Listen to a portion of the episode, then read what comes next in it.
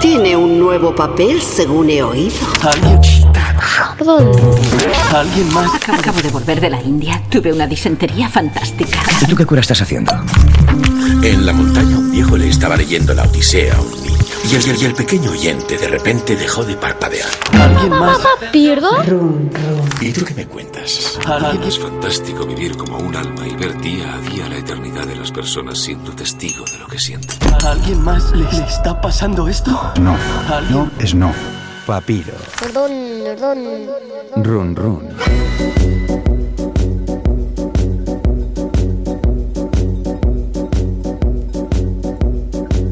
Bueno, en canción ya estamos, incluso con un poquito de, de nervios para el papiro run run. No tengas nervios. Bueno, pues de, de qué va, Esto- de- de qué va la cosa, pues. Esto va a estar tranquilito, ya verás. Vale, vale. Eh, pues mira, va sobre algo que a lo largo de la historia ha cambiado nuestras vidas. Mm, bueno, como, como la- pero para bien o para mal. Eh, pues tiene las dos vertientes, tiene Vaya. cara A y cara B. Ajá. Y no es en singular, sino que es en plural, hay diferentes. Por ejemplo, pistas que te doy yo, Sí. han cambiado nuestra forma de ver la mente, nuestras actitudes ante la ley, han modificado también relaciones internacionales o han desencadenado incluso guerras. Ya, y dices que tienen su lado bueno y su lado malo. Tenerlo lo tienen, sí, Mm. sí, sí. Eh, mira, por ejemplo, lo mismo han aumentado nuestra duración media de vida que han fulminado generaciones enteras. Vaya, Para ser más claro, más pistas, para que veas que soy bueno contigo. sí. A día de hoy, puede que sea la industria que mueve más pasta. Una industria que en un principio digamos que jugaba a mezclar plantitas y hoy en día es una industria pues súper tecnológica. Es la Big... La y Big no es- Pharma. ¿Big Mac has dicho? No, Big Mac. Ah, no, no, no. ¿qué has Big dicho? Pharma, Big Pharma. Ah, Ah, muy bueno, muy bueno. Vale, la has vale, dado, hombre, muy bien. Era Hombre, fácil, esta, ¿eh? esta estaba ya. ahí Te la he estaba puesto ya. fácil. Ay, ay, ay. O sea que hoy el tema de- eh, va de, o sea, de farmacéuticas, Inco. No, Ah. no. Va eh, más bien de fármacos, Ah. de drogas, eso que han moldeado tanto la historia de la medicina como la del mundo actual. Y para ello tenemos con nosotros un libro que se titula 10 drogas, una obra que ha escrito Thomas Hanger y lanzada por la editorial Crítica. Vale, y que habla de las 10 drogas más importantes de nuestra historia. Eh, pues mira, no tal vez las más importantes o conocidas, pero sí algunas de las que han tenido más efecto en el devenir de nuestras sociedades desde hace mucho, mucho, mucho tiempo.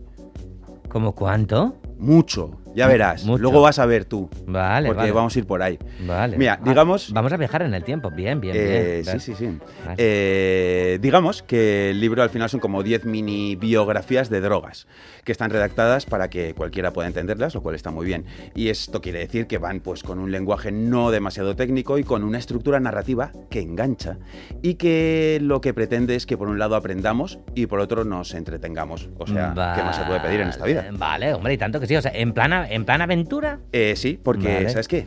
Dime. Mm. El, el mundo de las drogas es como un cóctel que agitas ahí, ta, ta, ta, ta, ta, ta, y está repleto de historias, pero que lo flipas. Está repleto de errores que supusieron aciertos, aciertos que supusieron errores, personajes estrambóticos, experimentos demenciales, tenemos de todo, Galder. Vale, vale, y sus peligros, como antes decías también, Claro. Inco. Eh, y, y todo eso eh, nos ha llevado entonces a ser lo que somos. Eh, nos ha llevado a ser el Homo Pharmacum. Farma, ah, homo Sí, pharmacum. Homo Pharmacum Vale, es lo vale. que somos hoy en día. Si quieres pegarte un viajecito ahí por medio de, de estas drogas, de Hombre, una de estas a ver, drogas. que no está bien esto por la radio, Inco. Eh, a ver. Ah, ¿cómo bueno, que no? es un viaje histórico. Es un vale, viaje es un viaje histórico. histórico. Ok, de acuerdo, Esto ¿con es cuál, de historia. las, ¿con cuál de las 10, por lo tanto? ¿Con cuál? Pues mira, nos podríamos ir con penicilina, podríamos irnos a los fármacos digitales, a los anticuerpos monoclonales, a la heroína, No. a la Viagra. Pero vamos a irnos lo más lejos posible. Vamos a irnos a hace 10.000 años. ¿Tanto? Mogollón, te había dicho ya. Vamos a descubrir la planta de la alegría.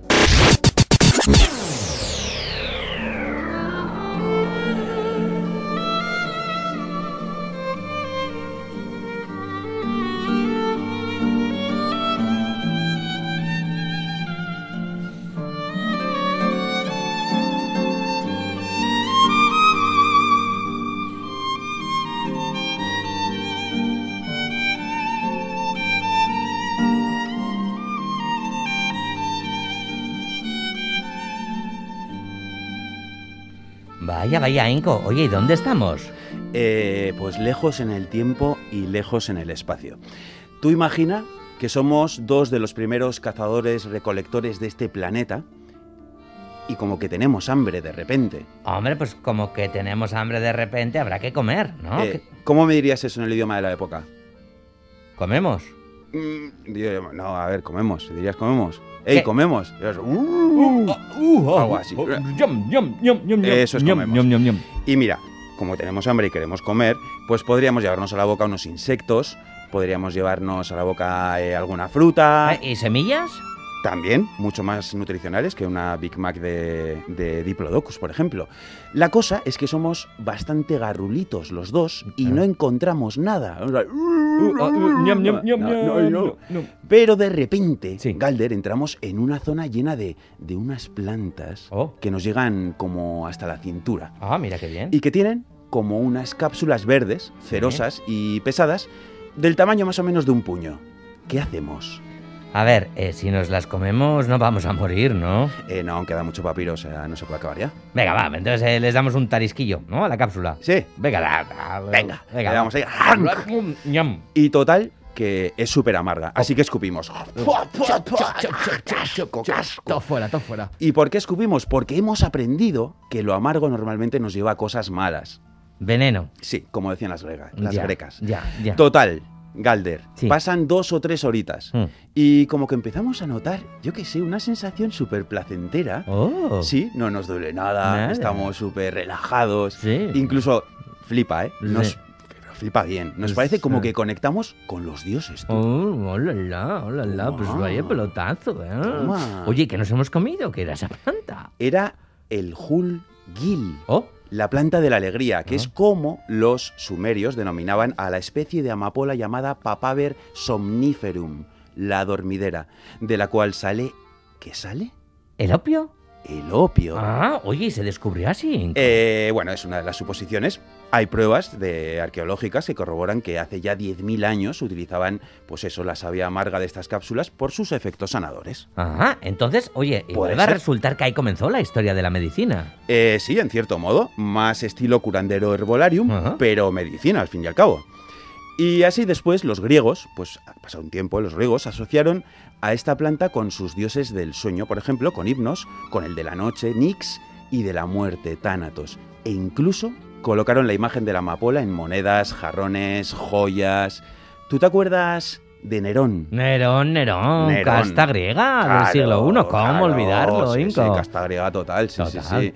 Pues mira, un médico de su ejército, el bueno de Pedanio Dioscórides, resumió el saber de la época en cuanto a plantas medicinales, como por ejemplo la mandrágora, el beleño, la belladona y muchas más, en unos libros que se titulaban De materia médica. Unos libros que se utilizaron durante cientos y cientos de años y en ellos habló de la amapola y de sus efectos tanto positivos como negativos. ¿Qué dijo Pedanio? Pues que si tomas un poco te alivia el dolor, induce al sueño, favorece la digestión y ayuda con la tos. Pero mm, si te pasas puede resultar dañina e incluso puede ser letal. Ahí está, el lado bueno y el lado malo. Ahí está, ya lo habíamos dicho. Pero también descubrieron por aquellos entonces que tenía como, como una especie de bonus, un bonus divino, que levantaba el ánimo, les hacía sentirse felices. Y describieron ese efecto con una palabra, euforia. Euforia. Eh. Euforia. Euforia. Oye, ¿y esa euforia se extendió para el mundo? Eh, sí, ahí entraron en juego los ejércitos de Alejandro Magno, que expandieron esta planta de la felicidad desde Grecia hasta Egipto, la India y tira pa'lante. Toma ya, felicidad para el mundo entero. Sí, tipo Pablo Escobar en otras épocas, pero sí. Total, que justo ahí los médicos griegos descubrieron otra cosita, que aparte de tener sus efectos positivos, negativos y eufóricos, tomar opio engancha. Ahí Ah, estaba el mal rollo. Ahí está el mal rollo. Y así, en el siglo III llegó el concepto adicción. Addiction. Ya, adicción. Y, y les asustó el tema. Eh, un poquito, un Ya, poquito. Pero ya. como creían que los beneficios eran mayores que los peligros, pues siguieron dándole al opio, además a lo bruto. Ala. Con vino, pasteles, pero muy a lo bruto, descontrolados total. Ala. Hasta que el opio llegó a los árabes, con el famoso médico conocido como Avicena al mando. Estos eran los, pues digamos que los mejores fabricantes de medicinas, los amos de la alquimia. Los reyes en cuanto a técnicas de filtrado, destilación, cristalización, de mezcla. Ya, o sea que digo yo que entonces ellos convirtieron esto en algo menos bruto, ¿no? Eso es, lo hicieron más puro, más refinado. Aunque en sus escritos el propio Avicena ya avisó también de los, de los peligros que tenía. Por ejemplo, delirios, aletargamiento, apatía. Los árabes solían decir que el opio podía convertir a un león en un escarabajito. Oh. Y pasado el tiempo, junto a la caída del Imperio Romano, pues cayó un poco también el uso del opio, hasta que volvió a pegar su bidón ya en el siglo XVI, tras las cruzadas.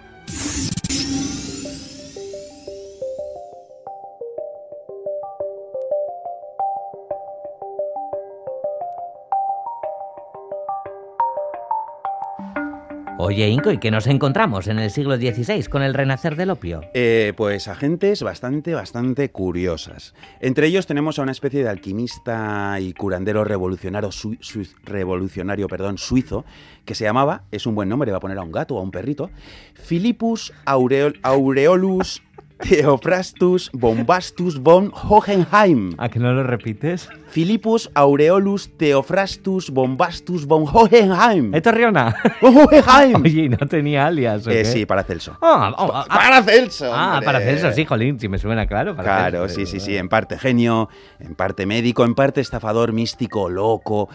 El bueno de Paracelso se dedicaba a recorrerse Europa de pueblo en pueblo, ofreciendo sus remedios e instrumentos y llevando con él una gran espada, Galder, esto está guapo, Sí. en cuya empuña- empuñadura decía esconder el elixir de la vida. Oye, oye, ¿y era verdad Oye, esto? Sí, sí, sí. Uy, uy, bueno, uy. no tanto, ¿eh? Ah, vale. Un poquito solo.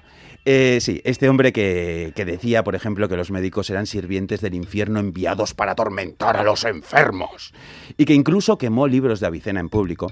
Lo que tenía en realidad eran unas pastillitas negras, misteriosas y milagrosas, que parecían aliviar de cualquier mal.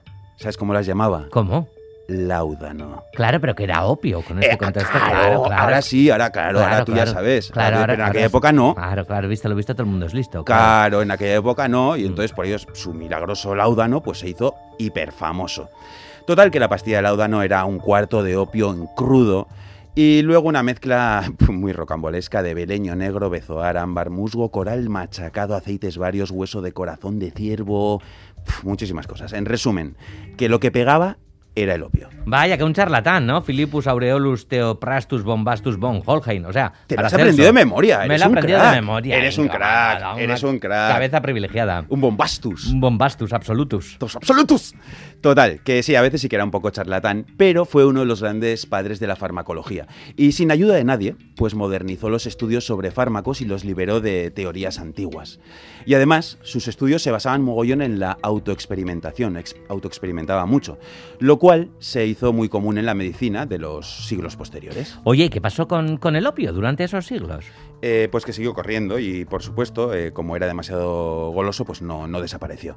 Pero había un problema con su procesamiento. Era imposible saber o calcular lo potente que era.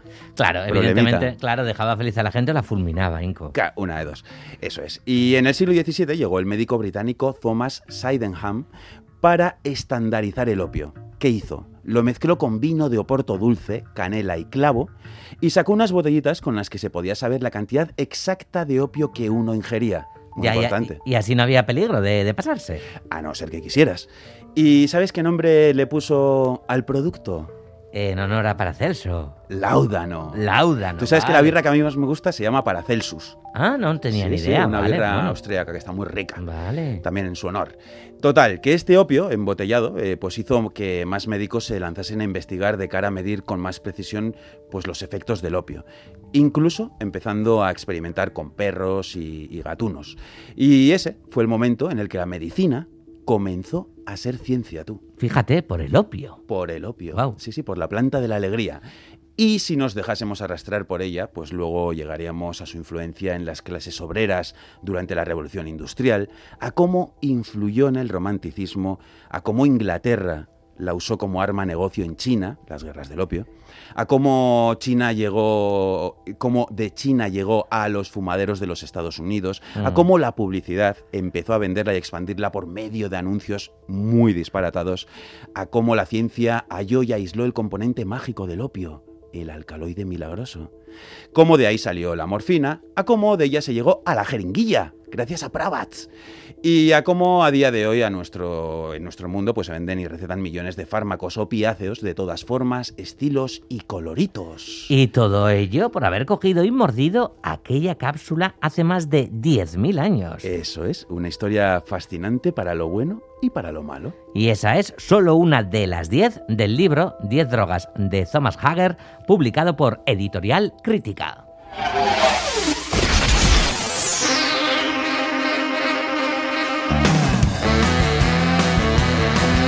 Adiós.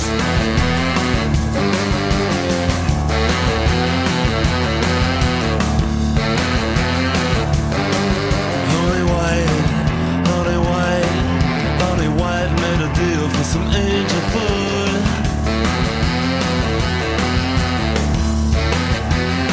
Lonely White, Lonely White, everybody told her it was sweet and good, yeah. Inco Martín, para lo bueno y para lo malo también, Papiro Run Run, que no, siempre para lo bueno. Siempre Estás pa- bastante asustado. no, siempre para lo bueno, compañero. Es, es una gozada de libro, ¿eh? de verdad es que es que una aventura. O sea, yo lo que he estado leyendo estos días, o sea, es, parece, es que parece una aventura. O sea, unos personajes, unas historias, unas situaciones y luego unas, pues eso, unos, un significado a lo largo de nuestra historia muy potente de estas drogas, la verdad. Bueno, pues eh, parte de, de la historia también, de la ciencia, como decías, de la farmacología y de la medicina. Inco Martín, te esperamos aquí con la próxima entrega de Papiro Run Run. Aquí volveremos, de matemáticos vamos a volver, te lo adelanto. Oh, vale, vale, vale. ya verás vale. tú, qué guay.